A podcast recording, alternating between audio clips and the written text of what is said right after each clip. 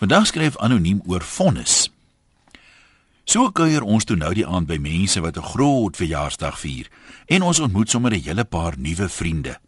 Een ou was 'n prokureur en hoewel ek maar kieskeurig is met my vriende, bewonder ek die kerel se guts om dit openlik te erken en ek besluit toe maar om dit nie teen hom te hou nie. 'n Paar vrouens vat hom toe aan oor ons regstelsel wat so korrup is en wat help dit hulle beklei vir die regte van vrouens en kinders as 'n man en 'n vrou wat 'n kind basies dood mishandel het, maar net 10 en 13 jaar tronkstraf kry. Hoe werk dit? Hulle behoort in die hel te brand. Die regsman wys die dames toe daarop dat geen hof iemand kan vonnis tot brand in die hel nie en dat die double jeopardy reël nie hier geld nie. Al is hulle reeds op aarde gestraf, kan hulle wel weer brand ook. Maar raak op 'n ander goed kwyt wat ek nou nie als mooi kan onthou nie, maar iets waarna ek nogal nie regtig voorheen gedink het nie, is dat ons Romeins-Hollandse regstelsel al eeue oud is en baie van die beginsels waaroor ons vandag kla, word eintlik al vir geslagte bloot net toegepas deur die howe. So praat die klonk toe van uh wat was dit gewees? Tydelike kranksinnigheid wat glo in die Romeinse reg redelik algemene verweer is. So hy sê die regstelsel is nie die produk van die korrupsie in die regering nie.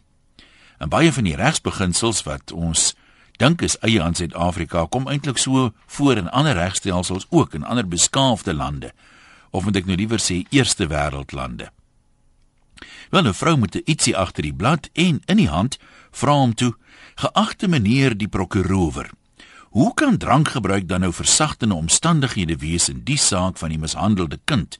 Niemand het die ma en pa mos gedwing om te suip nie." Ek sien die regsman raak effe rooi, maar hy hou hom in en hy verduidelik dat dit te doen het met verminderde toerekeningsvatbaarheid.